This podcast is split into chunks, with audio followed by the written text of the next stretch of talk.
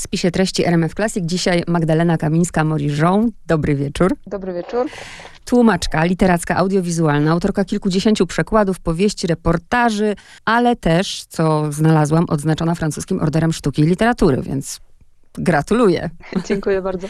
Spotykamy się w związku z książką Emanuela Carrera, ale przy okazji oczywiście tej książki troszkę będziemy rozmawiać o pani pracy, bo tu od razu składam najserdeczniejsze życzenia. Jutro Dzień Tłumacza. Tak, bardzo dziękuję. Zawsze hucznie obchodzę ten dzień i zawsze się cieszę, że w ogóle mamy takie święto. Tak. Zresztą jestem wnuczką Hieronima, więc chyba tak musiało po prostu A, być.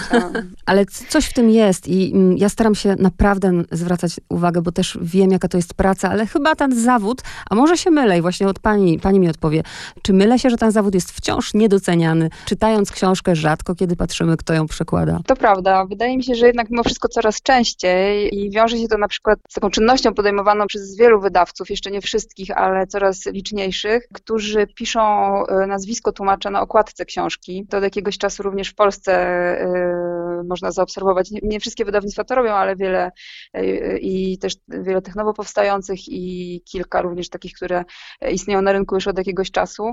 Mam wrażenie, że stajemy się trochę bardziej widoczni, ponieważ już nie trzeba zaglądać na tą stronę tytułową, żeby sprawdzić, kto tłumaczył. Widać to od razu, kiedy bierzemy książkę do ręki. Ale to prawda. Y, bardzo często mówi się na przykład, no, Karer napisał to tak i tak, ktoś tam inny, Knausgard czy ktokolwiek. Jeśli ktoś przeczytał to w oryginale, no to oczywiście może tak powiedzieć, ale kiedy czyta książkę w przekładzie, to mm, tak naprawdę to y, nie napisał tego ani Karer, ani Knausgard, ani nikt inny, tylko tak naprawdę napisał to tłumacz, który, czy można powiedzieć, bardziej nawet przepisał ją na język polski, tłumacz, który po prostu tą książkę wziął na warsztat. I e, rzeczywiście jest tak, że dość, e, dość rzadko wspomina się o tłumaczach. Wielu recenzentów jeszcze nadal, chociaż mm, też już mam wrażenie, że coraz rzadziej w e, czasopismach na przykład recenzuje książkę nie podając nazwiska tłumacza. Ale jest już też być może tak, że dzięki akcjom różnym podejmowanym na przykład przez STL, Stowarzyszenie Tłumaczy Literatury, jest tak, że coraz częściej jednak mimo wszystko się gdzieś tam tych tłumaczy dostrzega. Dla mnie to jest bardzo ważne. Nie umiem francuskiego, więc nie miałabym pojęcia i nie mogła przeczytać tej książki, gdyby nie pani. Ale też się denerwuję, jak czasem na przykład ktoś mówi, a nie czytałaś w oryginale, to no, to jest tak przetłumaczone, to jest tak źle przetłumaczone. Też się zastanawiam, skąd ktoś, kto y, y, umie się posługiwać, prawda, językiem francuskim, załóżmy, y, komunikacyjnie, może wiedzieć, jak to jest przetłumaczone. Przecież to jest zupełnie inna praca. Pani musi mieć do, do tego takie ucho, bo to nie jest przekład jeden do jednego. Tylko no to jest wejście jakby w styl tego autora. Tak, gdyby to był przykład jeden na jednego, no to już teraz wystarczyłoby nam po prostu Google, mhm. wyślę. Ale tak naprawdę to jest... Tutaj y, tłumaczenia literackie są w ogóle bardzo specyficzne, ponieważ nie przekładamy tak naprawdę tylko języka, tylko tego, co widzimy, tych słów, których każdy się może nauczyć, które są w słowniku, prawda? Tutaj y, musimy tak naprawdę spolszczyć styl tego autora, jego wrażliwość, jego y, sposób spojrzenia na świat, sposób układania zdań, rytm tych zdań, oddać, jeżeli są to zdania płynne, to, to oddać, jeśli są to zdania powiedzmy poszarpane, czy jakieś dużo trudniejsze w odbiorze, to również należy to, od, to oddać.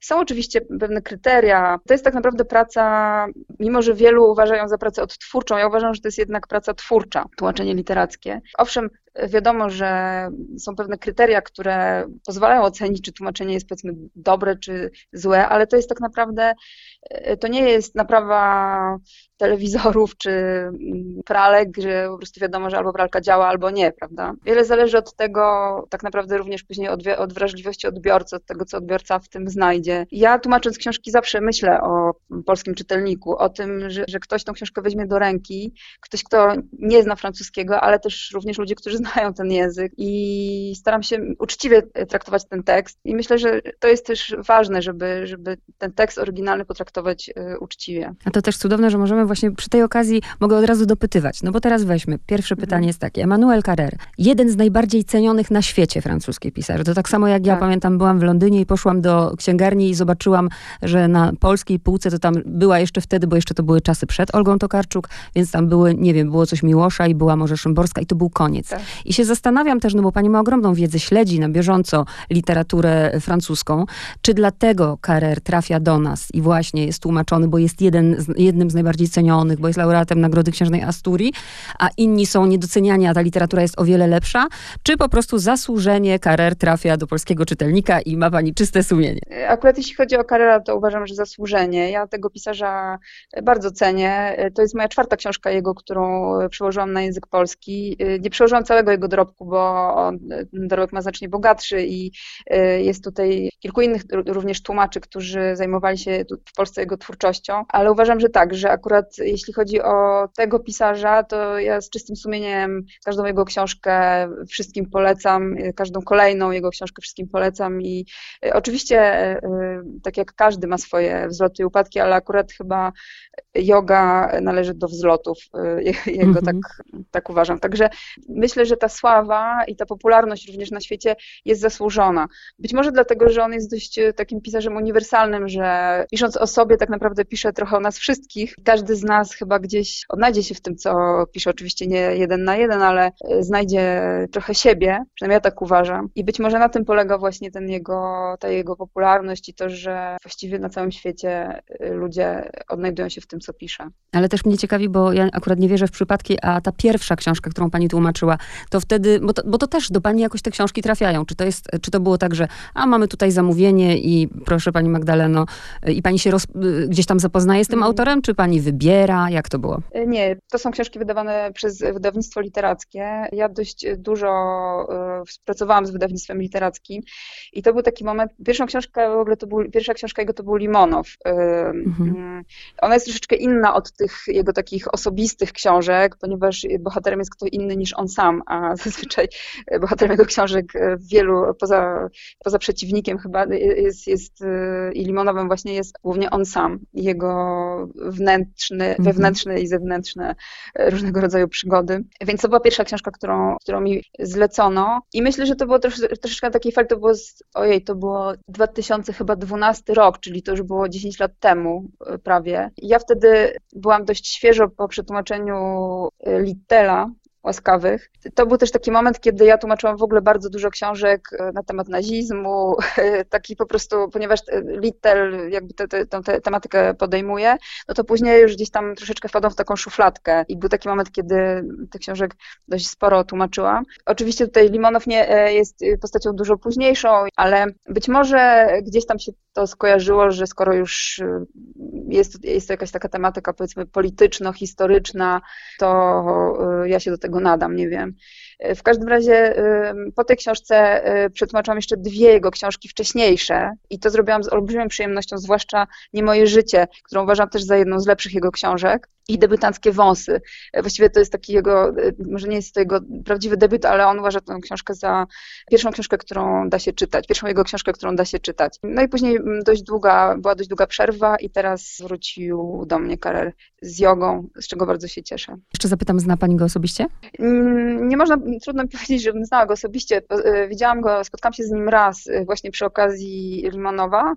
Przyjechał tutaj do Polski na zaproszenie wydawnictwa, spotkaliśmy się w ambasadzie Francji Później jeszcze towarzyszyłam mu trochę, już nie jako tłumacz, nie tłumaczyłam jego wypowiedzi, natomiast towarzyszyłam mu e, podczas promocji. Także to było, to było właściwie moje jedyne spotkanie. Bo wiem też, że jak rozmawiam z tłumaczami, to bardzo różnie pracują. Są tacy, którzy zupełnie e, nie mają żadnego kontaktu i autor nie wtrąca się, nie wymienia się żadnymi mailami, a są tacy, którzy rzeczywiście pytają o rady, konsultują między wami, jak jest? Nie, ja mm, zupełnie nie pytałam go o, o rady, akurat jeśli chodzi o, to, o tę książkę. Zresztą też wydaje mi się, że to jest troszeczkę tak, że pisarz jest jeden, a wersji książki językowej powstaje masa. Gdyby on, znaczy to by była oczywiście idealna sytuacja, gdyby rozmawiał z każdym y, ze swoich tłumaczy i mówił mu dokładnie, co miał na myśli i co chciał przekazać, i, y, ale też wydaje mi się, że no po prostu, jeśli nie trzeba męczyć y, autora, to myślę, że chyba nie, nie, nie jest to konieczne. Oczywiście są takie sytuacje, kiedy trzeba do autora napisać,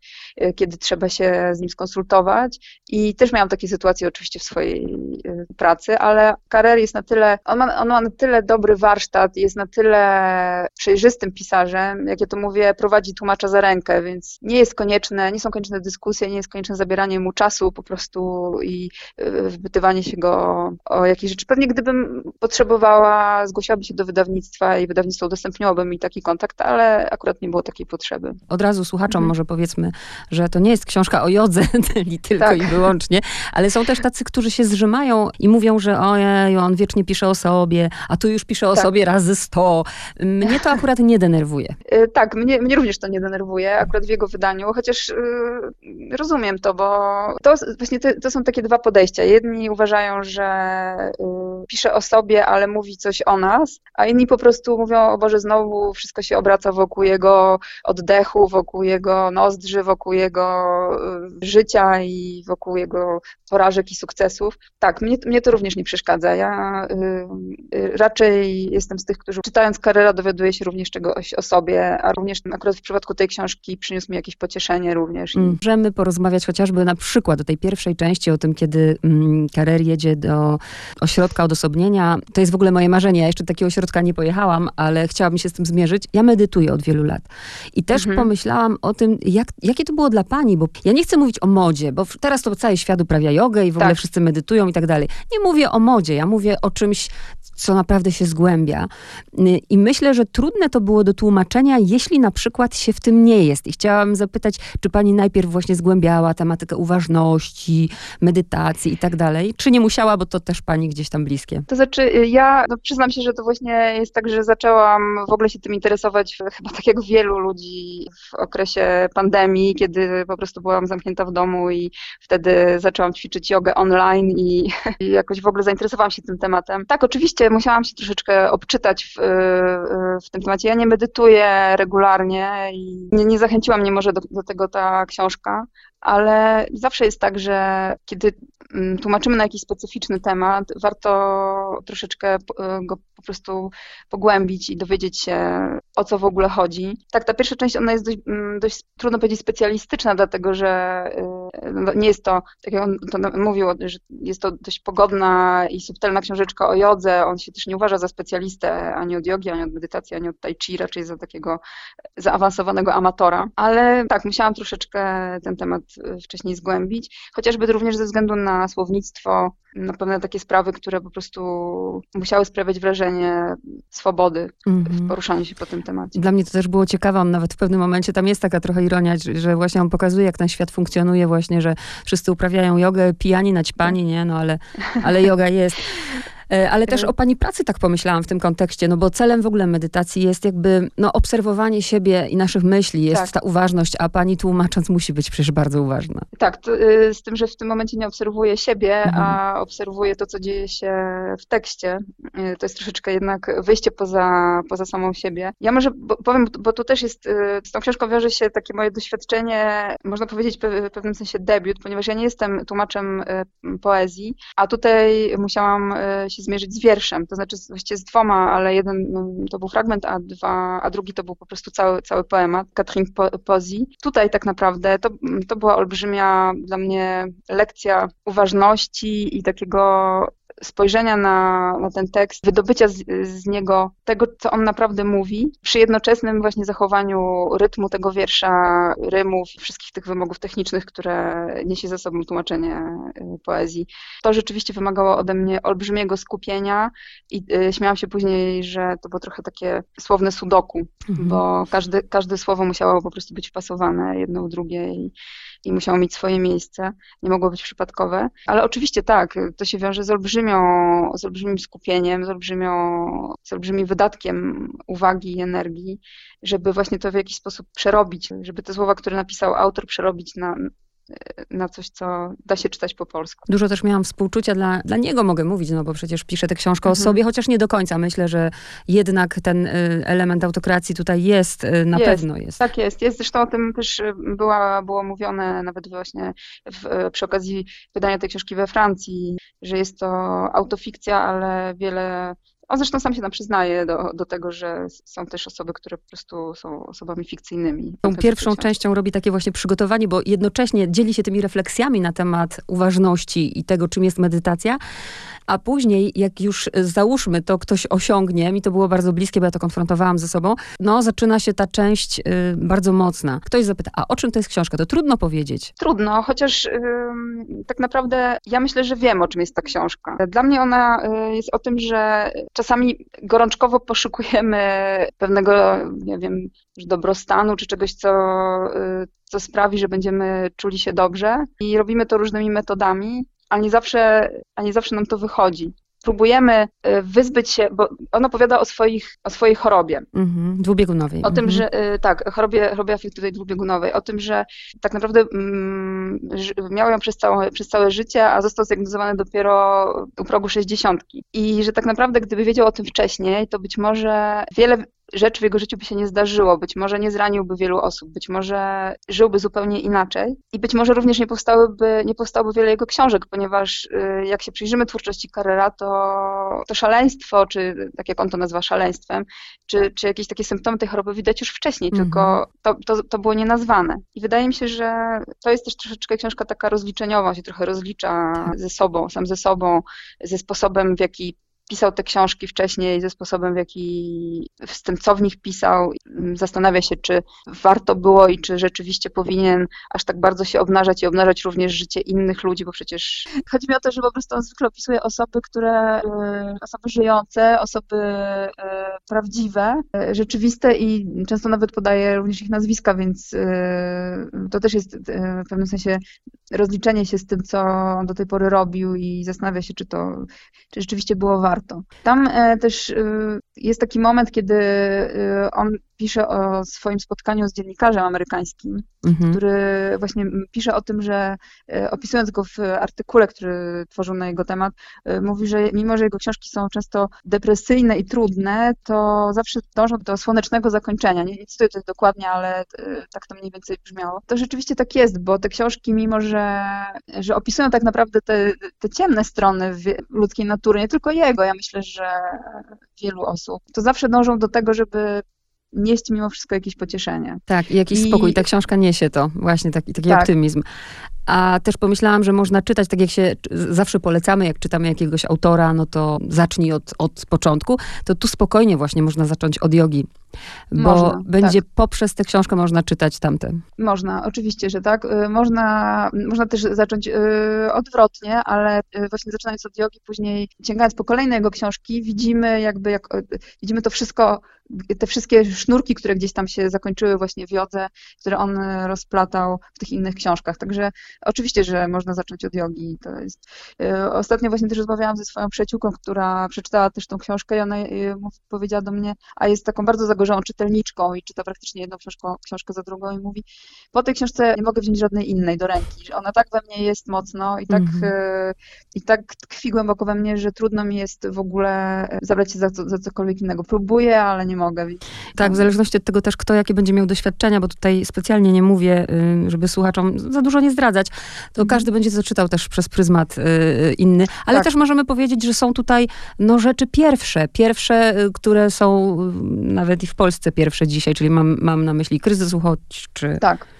Oczywiście, właśnie to jest niesamowite, że ta książka w tym momencie, czy ona po prostu, że, że, jest, że znowu nabrała takiej olbrzymiej aktualności, prawda? Mhm. W tym kontekście, który się obecnie teraz, w tym wszystkim, co się teraz dzieje w, w Polsce chociażby. To jest też niesamowite, bo tłumacząc ją, jeszcze ja w ogóle nie, no nikt z nas nie, nie mógł przewidzieć, że, że, że będą takie sytuacje, jakie e, e, w tym momencie są, ale tak, on nawiązuje do tego kryzysu, nawiązuje do zamachów, które tak. odbyły się tam w 2015 roku we Francji e, i które w jakiś tam też sposób wpłynęły również na jego prywatne życie, więc to są rzeczy takie uniwersalne, oglądane przez jednostkę i jeszcze przez to jednostkę mocno mm, przeciągane Tak. przez własne wnętrze. I tak jak właśnie pani powiedziała, niby takie osobiste, a takie o nas, nie? Takie, takie uniwersalne Tak. jednocześnie.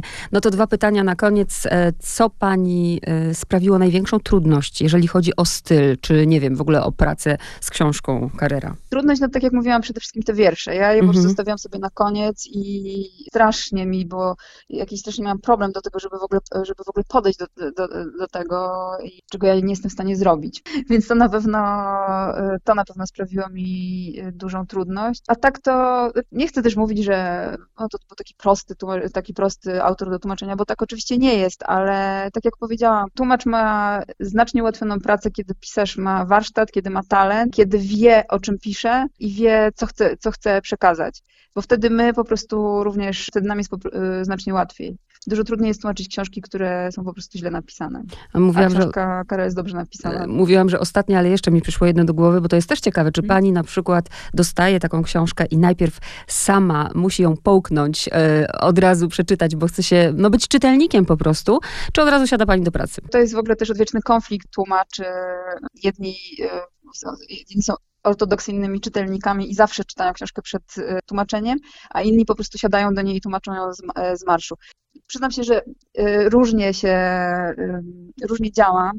Zazwyczaj, kiedy są to na przykład jakieś tam czytadła, no to po prostu siadam z marszu. Kiedy jest to książka, która wymaga właśnie różnego sprawdzenia pewnych rzeczy i wejścia, wgryzienia się bardziej w styl, to wtedy książkę czytam. I tak było w przypadku Carrera. Mhm. Zresztą też po prostu byłam bardzo ciekawa, bo kiedy książka się ukazała, ona się ukazała w zeszłym roku we wrześniu, na jesień jakoś, to strasznie dużo słuchałam we francuskim ym, radiu wywiadów y, z nimi. Nie wiedziałam jeszcze wtedy, że będę, y, że będę ją tłumaczyć. Po prostu byłam naprawdę bardzo, bardzo ciekawa, o czym jest ta książka. To też mnie zastanawia, nie? Jak, tłum- jak później tłumacz dostaje i zaczyna, najpierw czyta i myśli, och, my, my czytamy to zupełnie inaczej, a się zastanawiam, czy wy tak macie, och, cholera, jakie trudne, na przykład, nie? Tak, y, to jest też tak, że właśnie być może dlatego czasami warto nie czytać książki przed tłumaczeniem, bo rzeczywiście to jest tak, że dopóki człowiek nie usiądzie do pracy, to wydaje mu się, że wszystko jest trudne.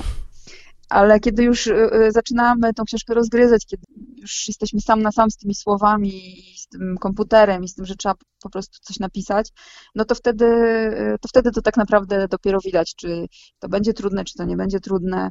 Wiadomo, że tutaj po przetłumaczeniu tej książki oczywiście, oczywiście jeszcze pracowałam z, z redaktorem i wspieraliśmy się w niektórych kwestiach, więc to jest też jakby dużo, dużo pracy po po prostu, po, po samym już złożeniu przekładu, ale akurat naprawdę tę książkę tłumaczyłam z olbrzymią radością i z takim poczuciem, że rodzi się z tego coś dobrego. Mhm. I na koniec, co pani dała ta yoga jako czytelniczce? Tak, powiedziałam, tak jak już powiedziałam, ona przyniosła mi pocieszenie, przy, przyniosła mi y, takie poczucie, że nie jesteśmy sami, że nawet jeśli y, przeżywamy jakieś trudne sy- sytuacje, no to są ludzie, którzy również je przeży- przeżywają, a w dodatku jeszcze potrafią dobrze je opisać.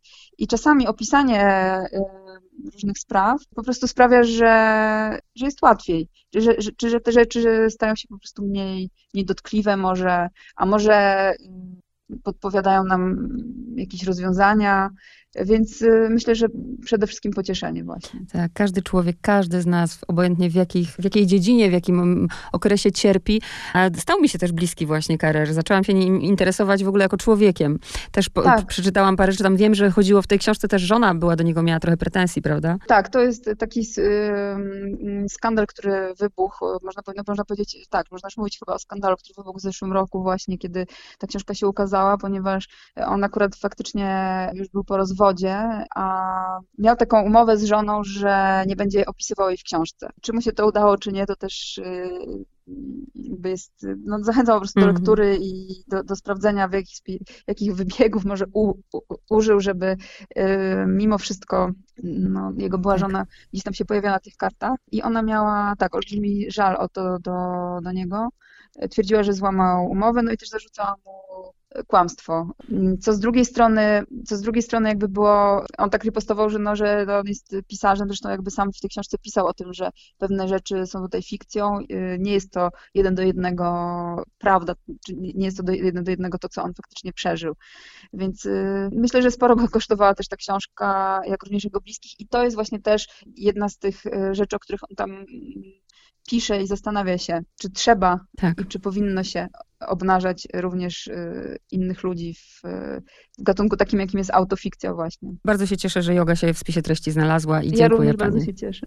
Ma, mam nadzieję, naprawdę trzymam bardzo kciuki za tą książkę. Mam nadzieję, że też mm, Państwu się będzie podobała, bo, bo naprawdę z czystym sercem i sumieniem polecam ją.